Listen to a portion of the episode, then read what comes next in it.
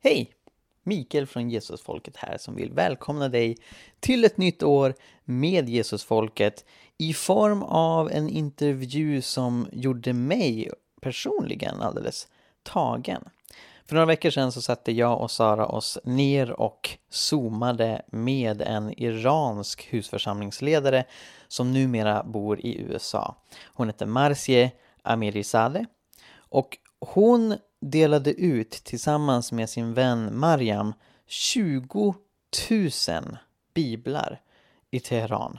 Mitt under näsan på den islamistiska regeringen och det här blev en stor skandal. Eh, den iranska regeringen var övertygad om att det måste varit en gigantisk, säkert amerikansk missionsorganisation som ligger bakom detta massutdelande av biblar i folks brevlådor. Men det var två unga kvinnor med ryggsäckar som gick runt och spred evangeliet.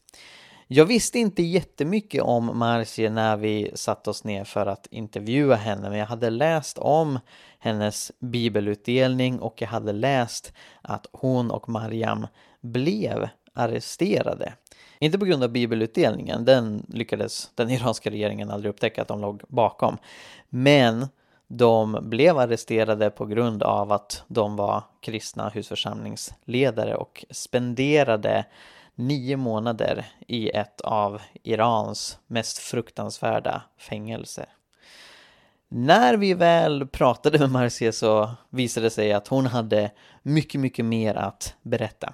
Faktum är att det här, trots att det är en timmes lång intervju, kommer bli del 1 och så släpper vi del 2 om några veckor. Eh, för Marcie ville berätta vad Gud har gjort i hennes liv och det visade sig att Gud har gjort väldigt, väldigt mycket. Hon hade många mirakler att dela med sig av och vi pratade också med henne om, om kontrasterna mellan att få vara del av det som flera experter har kallat den snabbast växande församlingsrörelsen i världen, nämligen den underjordiska iranska kyrkan som är utsatt för mycket förföljelse, mycket förtryck och så hamnar Marcia i USA där kyrkan är väldigt privilegierad och funkar på ett radikalt annorlunda sätt och det var väldigt spännande att höra hennes tankar om skillnaden mellan de två världarna. Intervjun gjorde vi på engelska, vi räknar med att de flesta av er som lyssnar eh, på detta förstår det språket och det här är som sagt något som gjorde mig själv tagen och otroligt inspirerad för vad Gud gör ute i världen och jag hoppas att ni kommer njuta av den här intervjun lika mycket som jag och Sara gjorde. Håll till godo.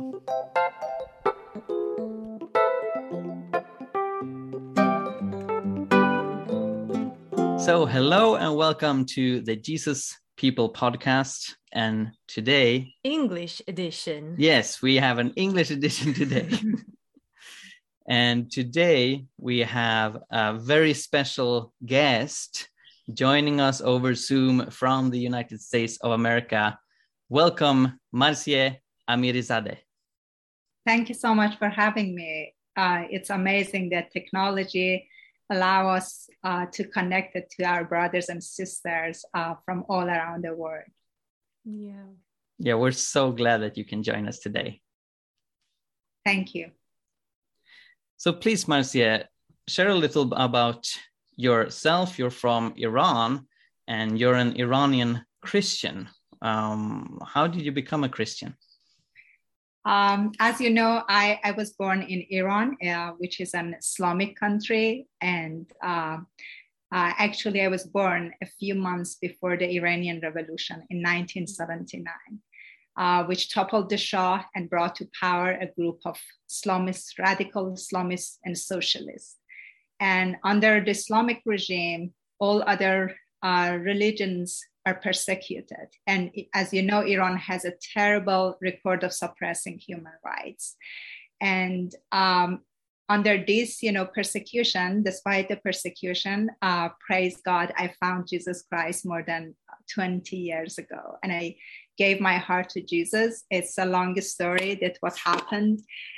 Uh, actually, I can say it started uh, from my childhood because I always was a curious uh, girl about God. about finding the truth. And I would keep asking my father and my teachers at school about God because uh, in Iran, um, um, they teach students and they brainwash them uh, from very young age uh, with the Islamic rules. And they always, I remember, they always taught us that uh, you can't have a close relationship with God, and God is holy, is um, so far from you, and uh, they would describe that a lot of horrible punishments that as soon as we would commit a sin, they would uh, they they would tell us that God would punish you immediately, and they would describe horrible punishments and tortures, and especially for women, those punishments uh, were much more, uh, you know, brutal compared to mm. men. And uh, so horrible. Yeah, and that's why you know, whenever I was hearing those things about God, I couldn't accept it because in my mind, as a child, I always compare my relationship with my father with God because I was thinking, okay, my father, my earthly father, loves me so much. And he never, even though I make a mistake, he never punished me like that. So, how it's possible that my heavenly father, who has created me, to be such a cruel God?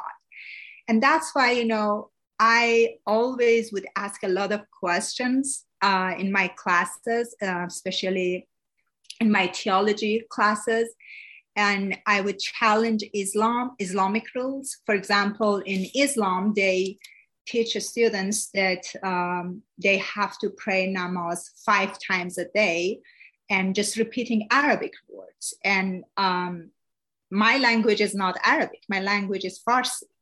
And I had that question in my mind why should I talk to my God in Arabic?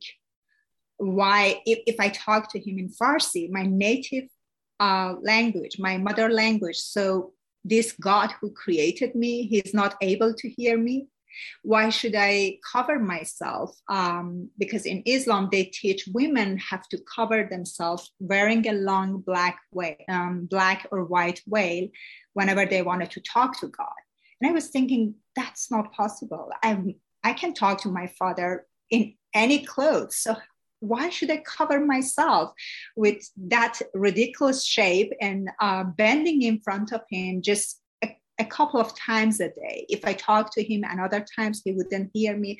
That's why, you know, as a child, I had all those questions in my mind and in at school uh, i kept kept asking those questions but i could see that my questions um, would make them angry and they my teachers always would tell me that um, you are you know you are asking a lot of questions and you shouldn't do that. You should just obey these islamic rules and then you know god will will answer you if you obey the islamic rules. That's why since i was curious and i wanted to get to know god i decided to uh, follow the islamic rules. I told myself maybe maybe i need to do that. Maybe i should you know pray namaz, uh, read Quran, and then God will communicate with me. That's why for two years I I decided to do to to, to follow the Islamic rules and to practice those rules. And I started praying namaz, reading Quran, and nothing happened. It was just, you know, I, I realized they were just uh, doing routine, um, you know, practicing rules uh, that wouldn't make any any changes. Um, and that's why I got frustrated. And the first time I remember, because in my heart, I was so thirsty to get to know God. And God knew that, that how much I was thirsty, how much I had desire to get closer to Him. Mm. Uh, the first time God spoke to me through one of my dreams. Uh, it started when I was around 17 years old. And at that time, I didn't know anything about Jesus. And it was just a dream um, about a white horse. And in that dream, I was praying to the sky. Suddenly, the sky opened, and a white horse came down and started talking to me. And the white horse asked me to sit on his back And as soon as I obeyed, the horse took me to a city where people, uh, Muslim people, were coming out of mosque and they were practicing the Islamic rules, uh, which are very famous in Iran. And they usually do these, um, uh, you know, ceremonies during Ashura and Tasua. Um, they sacrifice a lot, a lot for their imams. And uh, at the beginning, I, I could see those people, but suddenly um, God opened my eyes and I could see their true faces. And all of them changed to savage features. And as soon as I saw their true faces, I was so shocked to see their true faces. As soon as I saw their true faces, uh, they could see me on top of that horse and they immediately attacked me, tried to attack me, tried to take me off that horse. And the horse started running to save me from those savage animals. And I remember he was running so fast and I and I was holding uh, its neck. And at that time, suddenly I felt amazing love through that white horse pouring mm. into me that I, I, I hardly can describe that love that I experienced through that white horse. And then, you know, when we were safe, he took me to a road, and that road goes toward the sky, and I awoke. But that uh, what was interesting to me after that dream, um, God revealed two things to me. First, He revealed the true face of Islam to me by showing, you know, uh, what is Islam. And second thing that I experienced that I never ever forget, it was the love that I experienced, mm. the hmm. love of God through that white horse. And I remember for weeks, almost every night, I was crying and I wanted to go. I didn't want to be in this life. And I asked God to take me because I wanted to taste that love ever and ever, more and more. And um, that love is was so amazing. And unfortunately, I'm not able to describe that. Uh, what kind of love was that? And I could I couldn't compare this love with any love in this world. And it was after that dream that I came to the conclusion that God is love. And I decided just to talk to him like my heavenly father. And I had a notebook, um, you know, that I wrote a lot of letters to him um, when I was a teenage, and I always called him my daddy. Hmm. And um, at that time, I didn't know anything about uh, Jesus, but it was after that dream, uh, I, I don't remember exactly how many years, but it was, um, you know, a few years later, one of my friends talked to me about Jesus for the first time. And she, imagined, she explained to me that Jesus is the Son of God who come to this earth to free us from our uh, sins. And she explained different parts of bibles to me. And that was shocking to me because i never heard that jesus is the son of god. And but i became curious because as i mentioned i i was very thirsty to know anything about god. And i took bible from her and i started reading bible uh, because i was curious uh, and at this at the same time i was thinking oh, I never, you know, heard about any other religions. And it was the first time that I would hear about Christianity. Um, but um, what was shocking to me, because in Islam, they taught us that Jesus is just a prophet, and I never hmm. heard that Jesus is the Son of God. But that was very interesting that from my childhood, I always loved the cross, and I had a collection of uh, cross necklace, whatever cross I would see, I would get attracted to that. Wow. And I had a lot of those necklace, and I always wear a cross necklace uh, without knowing the meaning behind that.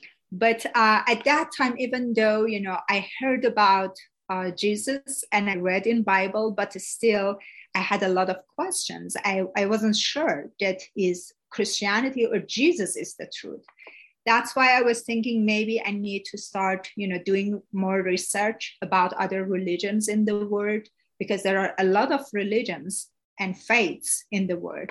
And I started, you know, uh, asking questions, finding books about other religions and reading. But at, you know, again, I became frustrated because I was thinking, oh my goodness, there are a lot of faiths in this world and uh, a lot of ways. And if I wanted to spend time, maybe you know i have to spend years to do research about different religions and faiths. And i just remember I, one day i did just only a simple prayer. I just you know knelt and i told god this is me and you. And you if you are alive if you created me you should answer my questions you should help me to find the truth if jesus is the truth you must guide me to the right path and um, save me from being misguided because I can't find the truth. Um, there are a lot of things in this world. And it was right after that simple prayer when I asked Him to help me, um, miracles happened in my life for the first time. I was attended uh, in a building church in Iran. At that time, 20 years ago, it was during uh, uh, during Khatami's uh, presidency, um, he was a reformist, and people, there was only one building church, Assembly of God.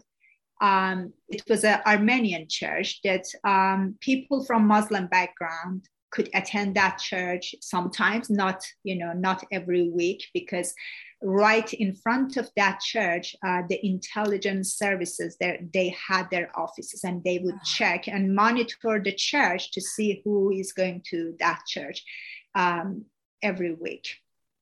That's why I had that opportunity at that time um, to attend that church, and the Armenian pastors would preach in Farsi in order for Muslims, uh, Muslim people, uh, to hear the sermons and the word of God. And I had that opportunity at that time to attend, participate in that church. And uh, the first day that I attended uh, that church with my friend, that was amazing because it was the first time I saw that people worshiping in their own language. And mm. also, they were worshiping God with joy, not mm. crying, not, you know, because in Islam, they teach you always you know you have to cry to god and you know asking for you know forgiveness but at that day that was so amazing and uh, at the same time i had a doctor appointment uh, because of the major issues health issues that i had and uh, during the worship suddenly i heard the voice of uh, god the holy spirit started talking to me and told me that you have healed. And that voice was so strong, keep repeating uh, that Marzia, you are healed. And I tried to ignore that voice because I was thinking I got maybe I got emotional and I never wanted to get emotional. Um, I wanted to focus and to find the truth. And but the voice was so strong that I couldn't resist that. And it was keep repeating. And then I told my friend that I don't know why, for whatever reason, I hear such a voice. And she told me, Marzi, trust Jesus because Jesus can heal you. Uh, at the same at the same day in the afternoon, I had a doctor appointment, and I was supposed to get my medications and travel to another city. And um, I remember I, I didn't believe. I just, you know, after the worship, I left the church. I went to my doctor appointment and uh, that day was so interesting because uh, interesting and strange to me because my doctor knew me and he knew my health issues and he was supposed to write my prescription and um, he took his pen and he, he, started writing after you know examining me talking to me and then he just put down his pen and told me miss Ameriza, that i don't know for whatever reason, I can't write anything for you today. I don't know what, why. And that was strange to me. You know, for a mm. doctor, he's he's supposed to write the prescription, but he said, I can't write anything for you today. And that was strange to me. I wanted to insist because I was supposed to travel to another city and I wanted my medications. but God reminded me his message in the church, and he Mm. told me, You need to trust me. And that's why I said, That's fine. And I left, you know, his office. But uh, since that day, all the symptoms were gone. And Wow. God healed me. And I, you know, began to believe in Jesus because of Mm. that healing and other miracles. And I also I had other dreams. Mm. Uh, but still, you know, I had some doubts about some parts of Bible. I gave my heart to Jesus, Mm. uh, but still I had some doubts about Mhm. whole, the Holy Spirit because I couldn't understand it. Mm. And that's why one day, you know, I was praying to God. And again, you know, I told him that God, I do not understand most part of uh, Bible and especially about the Holy Spirit. I told him that I don't want to have any doubts about you. Um, and I asked him to prove it to me, to make, to help me to understand it. And again, in that day, you know, I was praying to God, talking to God.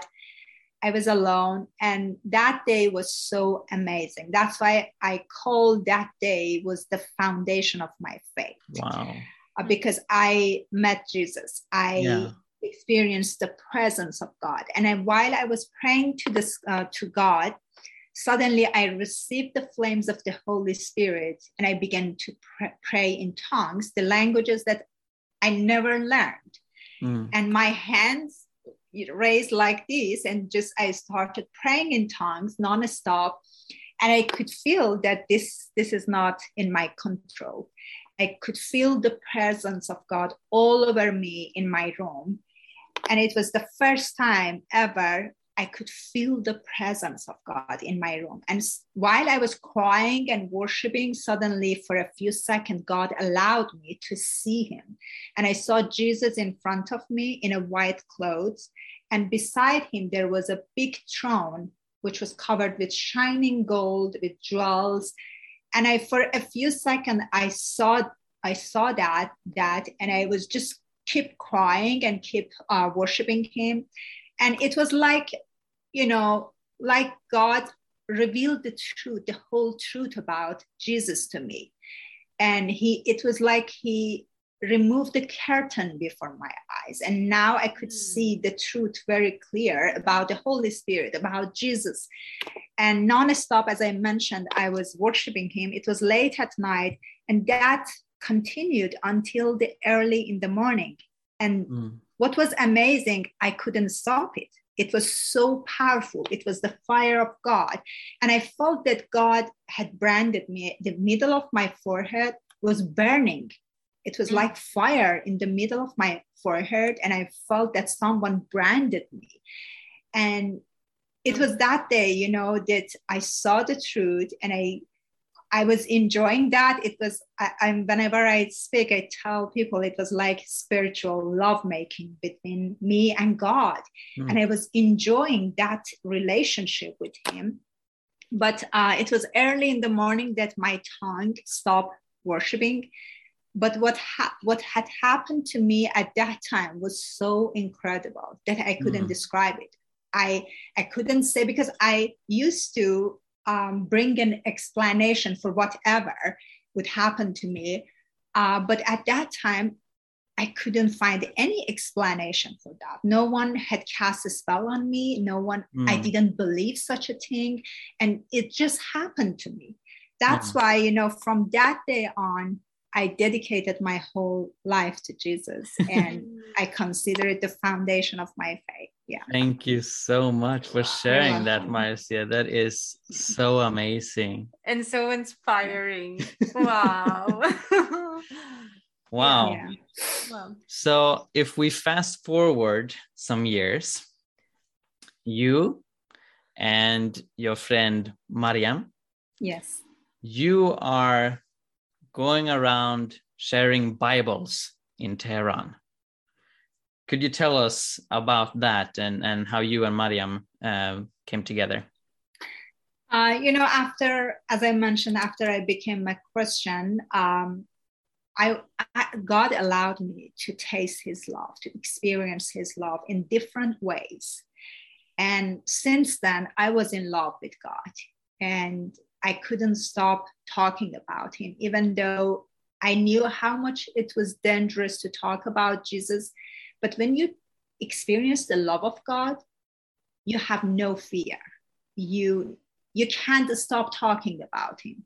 And I was like that. At that time, I was working as a manager and trainer in a cosmetology school. And God gave me that opportunity. I talked to many women every sem- semester that uh, we had um, about 30, 40 students. And I talked to my family members. And, you know, when you experience the love of God, you became more thirsty. You wanted to get to know him more. You wanted to get closer to him. And in Iran, as I mentioned, it was it wasn't easy to participate in a church, to learn about Christianity. There wasn't, you know, uh, churches that um, they couldn't, you know, have those classes. That's why I talked to one of my pastors um, in underground churches and he knew how much I was thirsty about uh, Jesus, about Christianity. And that's why I told him I wanted to know more. I wanted to learn more about my faith, my uh, Christianity. And then, you know, he introduced me to um, Christian ministries outside Iran. And actually, the Church of Iran decided to send, um, to choose some people, some uh, young people uh, from different underground churches uh, to send them to outside Iran for studying theology. And uh, they chose 12 students. I was one of those students that was chosen by the churches, the leaders of the churches. And we participate uh, in a Christian conference in Turkey.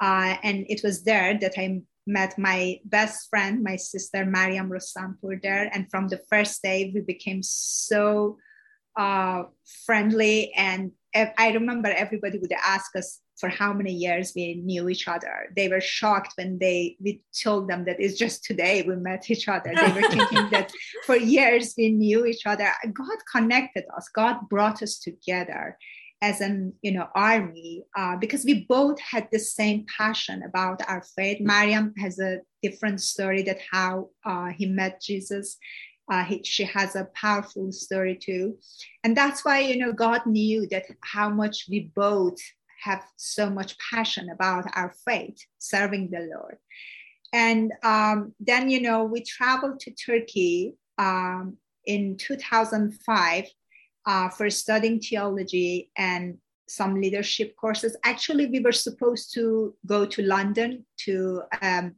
a theology school for years, studying about um, Christianity, but it didn't happen. Uh, the, all the visas were denied.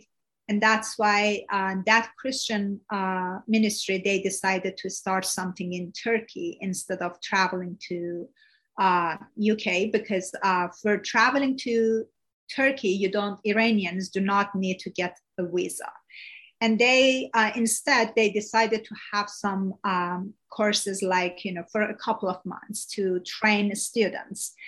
And Mariam and I attended those courses, and after finishing those uh, leadership courses and learning more about Christianity, we returned to Iran and uh, we wanted to start our first mission. And you know, imagine we were two girls. We didn't have any idea what we can do and how we can serve the Lord.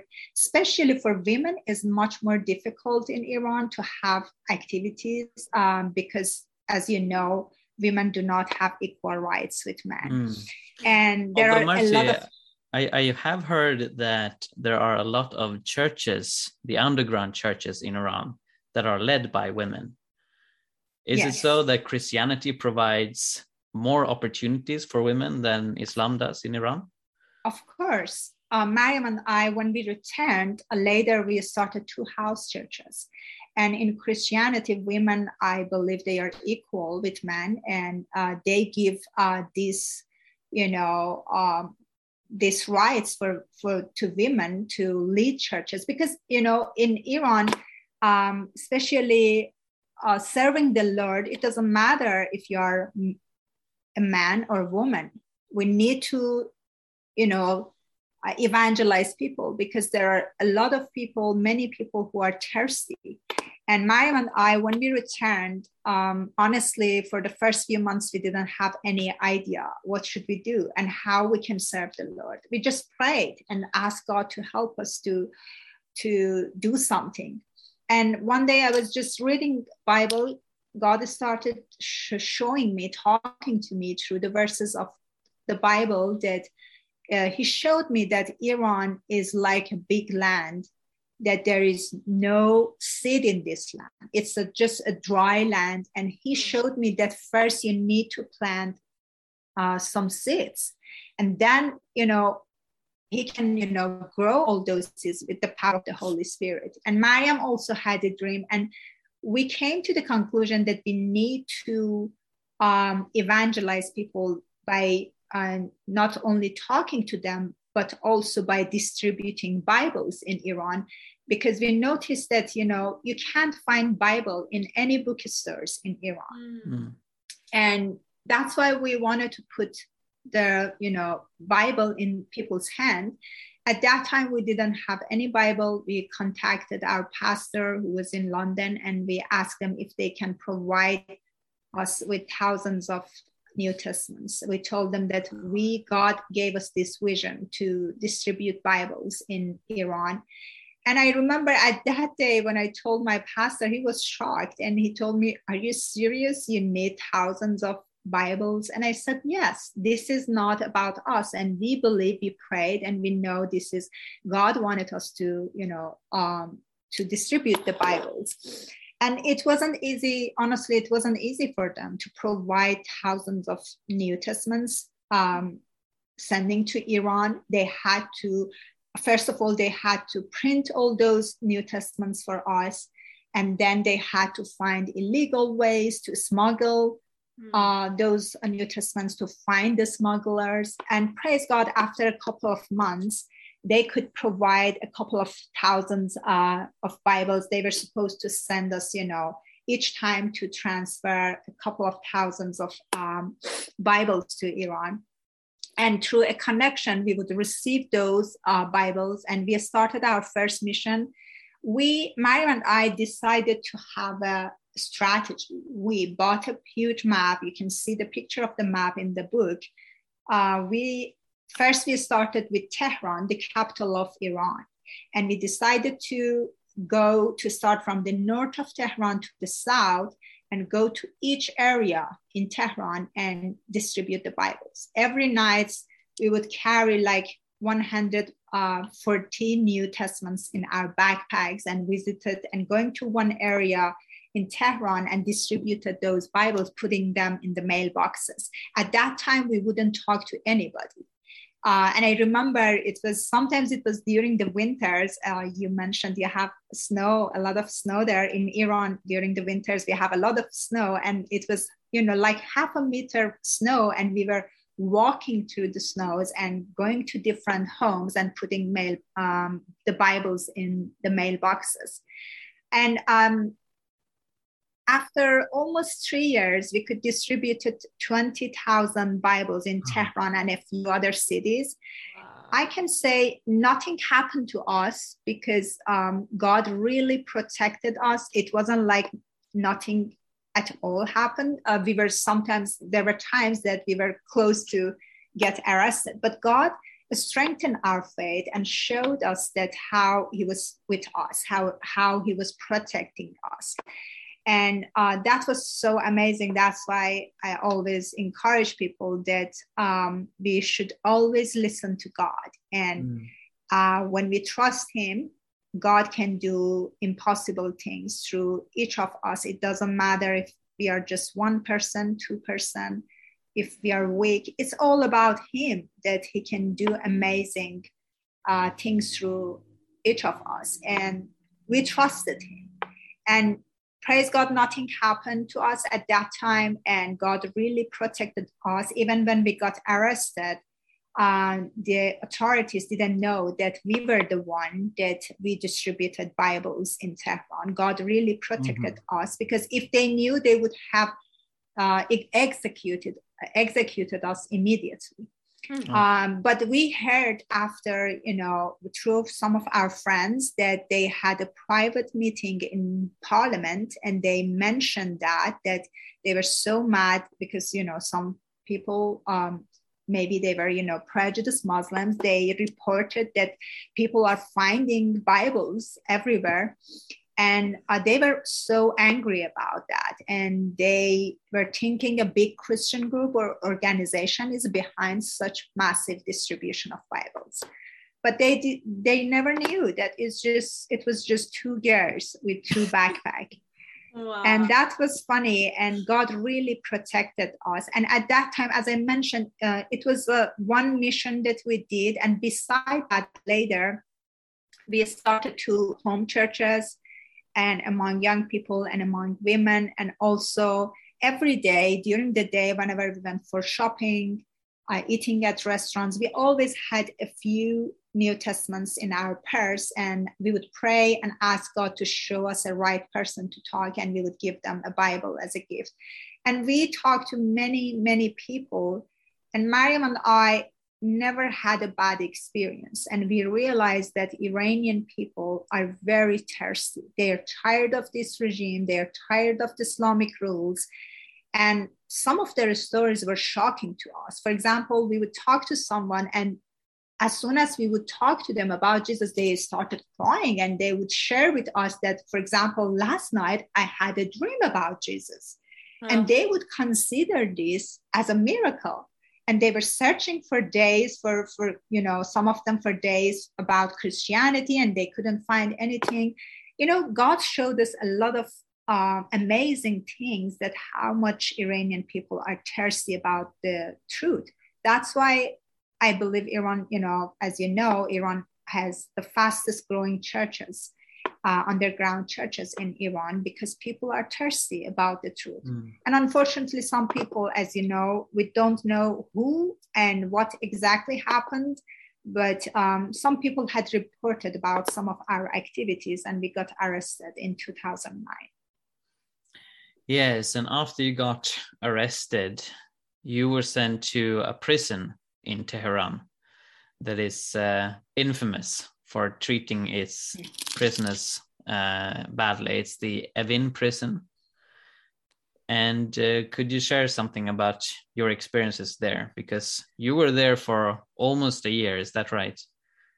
Yeah, uh, we were in prison for 259 days, um, almost um, nine months. Hmm. Um, yes, the day um, we got arrested, actually, I received a phone call uh, from police station and they told me that there is something wrong about my car documents. And they asked me to go to the police station. And i remember at that time that phone call was suspicious to me.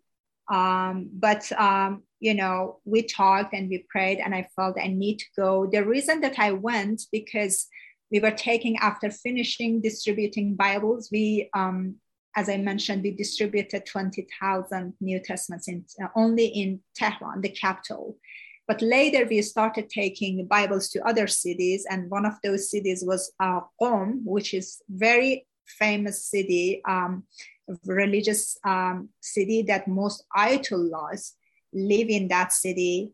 And we took Bibles, um, you know, in that city, and we took Bibles into the most holiest place, shrine that thousands of people go for worshiping God. And uh, we knew that, you know, if there is something wrong with car, um, um, they would stop us in the road because we would put, you know, hundreds of Bibles in, in our car and traveling to other cities. That's why I felt I need to go to the police station to make sure there is nothing wrong with the car's document. But that was a lie. They wanted to take me there. And when I went there, they immediately handcuffed me and they told me that you are here because of um, your faith. And he told me that, you know, the interrogator told me that some, some guards saw you, that you were talking uh, to people and giving them a Bible. And he asked me the first question was that, Are you a Christian? And I said, Yes, definitely, I'm a Christian. Uh, and then immediately, as soon as I said that, they handcuffed me and they Um, they came to my home. They didn't allow me even call Mariam, and they, without any search warrant, they came and they, um, you know, ransacked everywhere at home, and they arrested both of us and took us to uh, the police station. And the first day was horrible. We were so shocked. We had so much fear. I myself, I can tell that, you know, physically I could feel a lot of fear um, and I had so much fear in my body, but I that I could feel it. But um, the words that coming out of my mouth was so powerful. Uh, when they were asking questions, um, I would talk to talk to them with power, and it was the power of God. Mm. And sometimes I myself would shock what I was telling to them. Um, and I and I you know uh, and I realized that this is God's promise in the Bible that um, you know uh, Jesus said that whenever you got arrested, don't worry about what to say and just say whatever is given to you because it's the Holy Spirit is going to talk for you. And I and I and I we both both of us experienced that uh, in different times. And you know after and they threatened us to physical torture. They told us um, you have to give us the names and whatever question we ask you you have to answer. Otherwise uh, we will beat you until you vomit blood. And they are very serious. They are not kidding. And they are very brutal even you know by looking at their faces you can see evil uh, in their faces. And um, but you know it was the i can say it was the power of the holy spirit that strengthened us. There were times that even we couldn't uh, pray in fast uh, we would just pray in tongues and god really strengthened us. And they sent us to, for the first 14 days they sent us to a horrible jail uh, with very small and dirty cells, and they kept us there. Uh, and um, their behavior was, you know, terrible. And in that dark place, we could not see the light. We didn't have fresh water to drink. And we had to, it was during the winter, which was very cold. And we had to cover ourselves with wet blankets that we realized they were soaked in urine um, and but we didn't have any choice we had to you know it was very cold and we realized that they locked the cells uh, from eight at, at night until early in the morning and people were not allowed even use the bathroom and there were a lot of addicted people who couldn't control themselves and uh, you could imagine you know and uh, they treated us like animals. They would put uh, food in a dirty pot every day and just throwing it in front of uh, prisoners without any plates and spoons. And I remember the first day I was shocked when I saw that. Uh, and most of the prisoners, uh, mostly they were, you know, addicted people, homeless people, and they would just run to that pot and eating, start, mm. started eating with their hands and I was shocked when I saw that. And I said, We are not animals. And I started talking to prisoners and I told them, Why are you eating like that? Why you allow them to treat you like that? And they laugh at me at the beginning and they told me, Marzie, if you want to survive, you have to come and to eat. Otherwise, you will you, you will you will not survive. And I told them I prefer to die but I don't let them to treat me like animals. And you should stand for yourself. You should not allow them to treat you like animals. And you know, we stopped, Mariam and I stopped eating for days and we didn't have anything to eat except some cookies. And the guards noticed that we refused to eat like that. And finally, you know, because of, you know, we started a church, like we had a church in that um, small detention. Mm. And every day we were praying, we were talking to a lot of uh, women, and they would come to us and ask us to pray. And God started doing miracles among them. And that's why they would keep talking about us and uh, keep shouting that we wanted to be with Mariam Marzie. And, you know, the God would hear those words that uh, miracles are happening as soon as we, we, we would pray. For example, they would go to a court and they would get released. And that's why the guards became curious about our fate. And at the, it was the few last uh, days that we were in detention, they changed their behavior and they started giving us some plates. Uh, and they didn't allow. And I remember that day, one guard uh, the first day that they gave us some plates, uh, she told, she shouted at prisoners and told them nobody can go allow is allowed to uh, eat through that pot. Uh, Marzie is going to divide food among prisoners because her hand is clean, and that was shocking because you know Muslims believe that when you uh, convert from Islam to Christianity, you're infidel and dirty. But that guard said that in front of everybody that she is going to divide the food because they didn't have enough plates and just it was a few plates and spoons. And uh, since then, I started dividing food among uh, prisoners. Mm. But after uh, you know 14 days, they transferred us to Evin prison, as you mentioned, it's a notorious uh, prison for arresting, torturing and uh, raping and killing oh, many no. innocent people. And uh, it, it has a very bad reputation, not in Iran, everywhere. And people knew um, what will happen inside that prison. And we have heard mm. about it. And uh, they transferred us to Evin prison. Again, we had um, a lot of, you know, we saw many injustices, uh, human rights violations and it wasn't only us because of our Christian faith. We noticed other uh, religious faith like Baha'is, they were in prison and uh, they tortured them and um, they treated them very bad. And in Evin prison, as I mentioned, we had um, our difficulties too. And uh, the most difficult thing that we experienced in Evin prison was the execution of other prisoners. Um, they um, that was so shocking, not to only to us, to everyone, because imagine you're you were living with you know other um, cellmates, and one day they would took one person and executed her, and that was so shocking to everyone because she was our friend, she was living with us, she was eating with us every day, and for days after those execution, nobody could talk. We just stared at each other and you could see the sorrow and pain in everybody's eyes and no one had the power even to talk.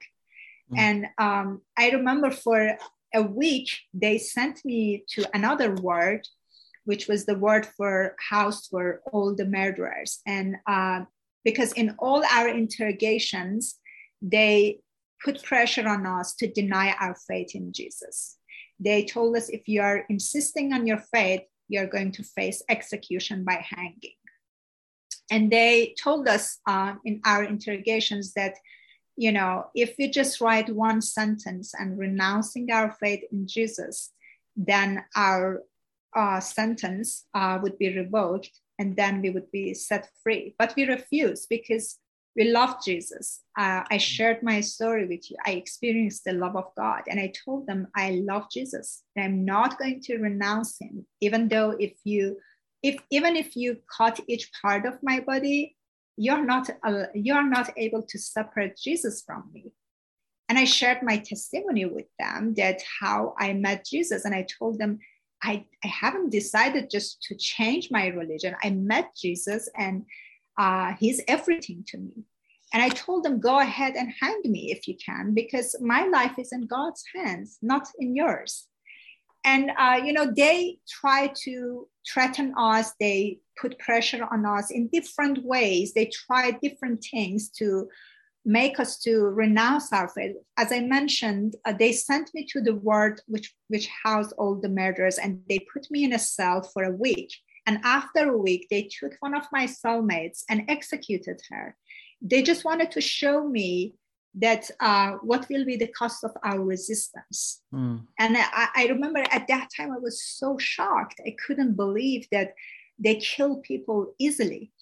And also, in the before our last court appearance, they executed our best friend and closest friend, Shirin Alam Huli, she was a political prisoner. And every day we were living together. We loved each other. She was amazing Kurdish girl. She was beautiful. And she she was just, you know, was against this government. She was fighting for her rights. And the government arrested her and brutally tortured her for months and finally executed her. Mm. And her charges were anti-government activities and muharaba, which means being an enemy of God. That's ridiculous. These are capital crimes in Iran. In fact, when they wanted to kill somebody or execute them, they can easily charge them with muharaba in order to kill them. And they didn't even give Shirin's body back to her family after killing her. And mm. that was so brutal. And Shirin was only wanted her own rights and she wanted to live in a free country, have her own rights and continue her education. And still, you know, after years, it's very painful to remember what they did to her.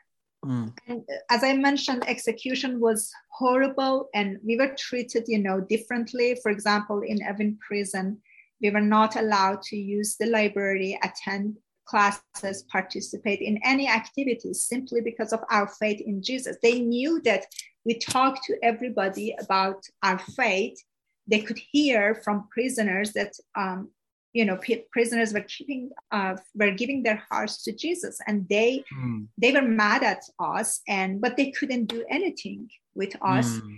and i believe they were only able to imprison our physical bodies in that dark place, but they could not imprison our souls, which were free.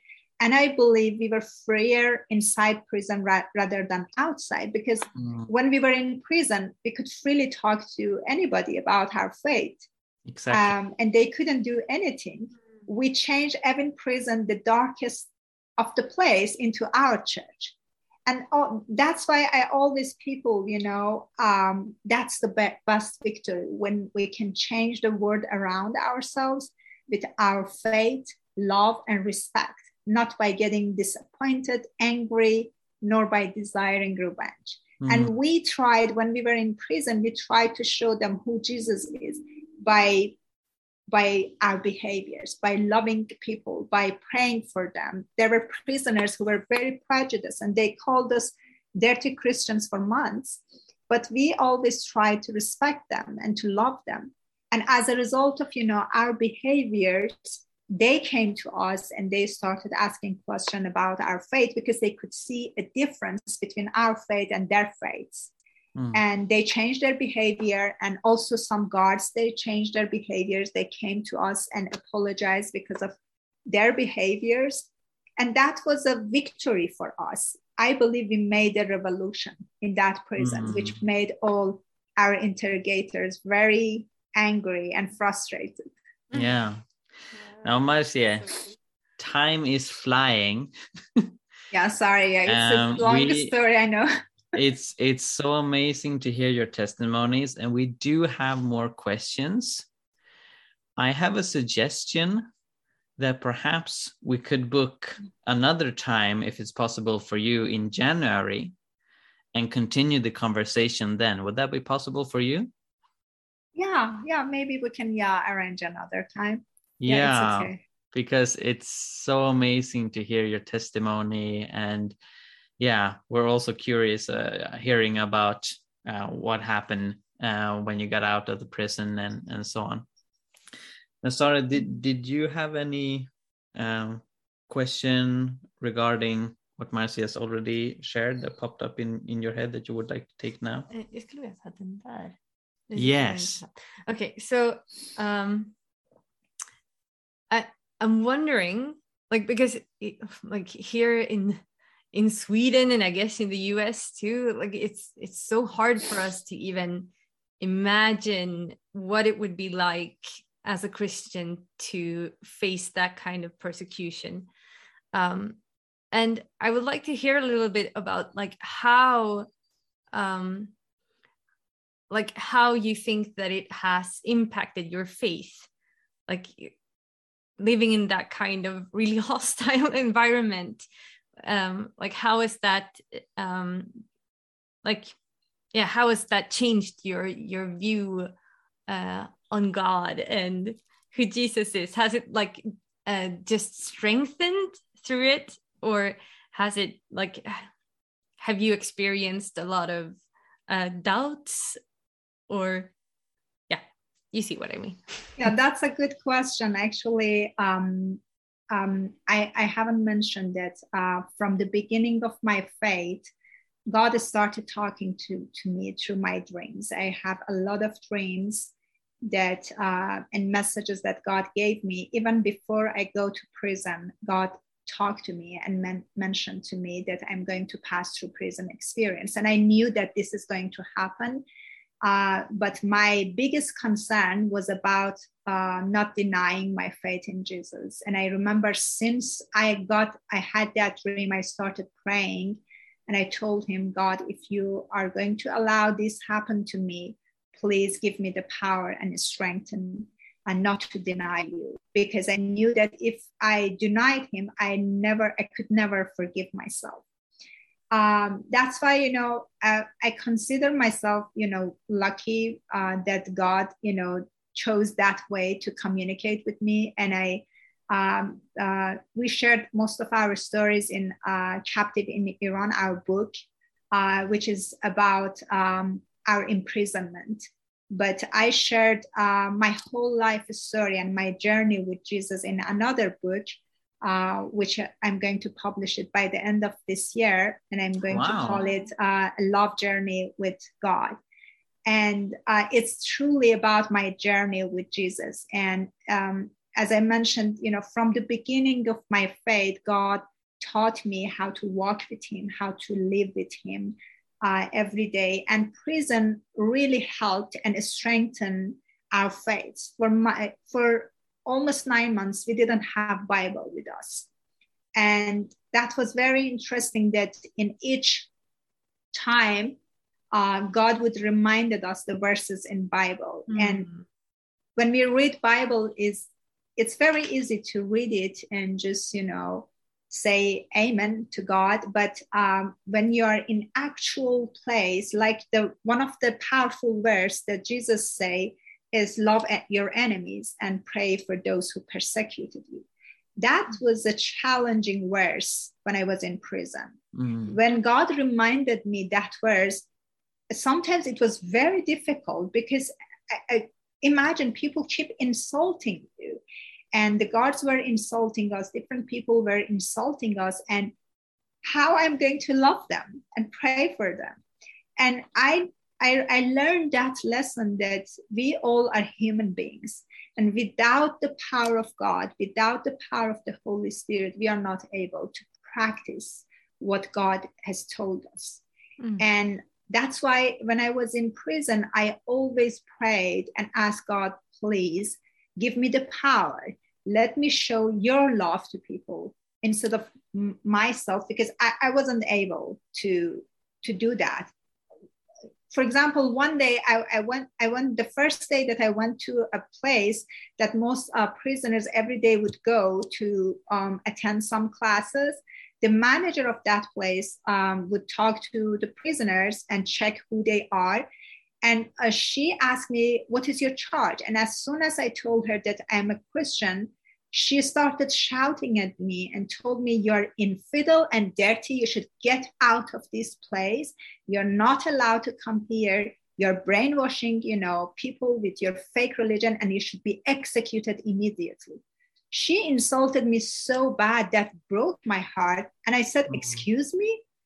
I'm here because of the name of God and because of my faith and i'm so proud because i'm not a criminal. And i left her office but my heart was so broken when she insulted me and god reminded me um, you know verses of bible like in peter it says rejoice uh, when you suffer for christ. You're mm. blessed uh, when you get arrested. And that's why you know when god reminded me those verses it was so powerful. And i learned that you know god is testing me uh, testing my faith and they didn't allow us to participate in any activities. And inside prison we were in another prison. Every prisoners could attend um, some of those classes use the library but we were not allowed because they knew that in that particular place prisoners from other other wards would attend it and they knew that we would talk to everybody.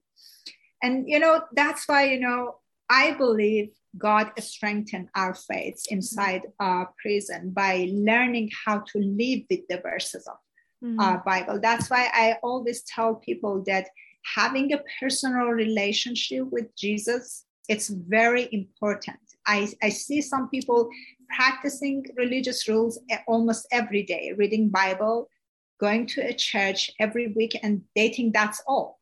No, that's just practicing the rules. But if you we don't learn how to live with the verses of bible that doesn't make a difference. Just instead of reading a lot of papers you can just read one verse and try to understand it try to live with that verse. That was a big lesson mm. that i learned in prison. Wow. Wow. Thank you so much for this Marzie. You're welcome Thank you for having me. So inspiring and yeah. strengthening to hear you. And as I said, we would love to hear more. Uh, so I'll get back to you suggesting some dates in January. Sure. And uh, then we can continue the conversation then. But once again, thank you so much for sharing yes, this. Thank you. thank you so much. It was great to meet you and to get to know my brothers and sisters yeah. in other parts of the world. And hopefully, my story be a blessing for people in Sweden. It definitely will. Yeah.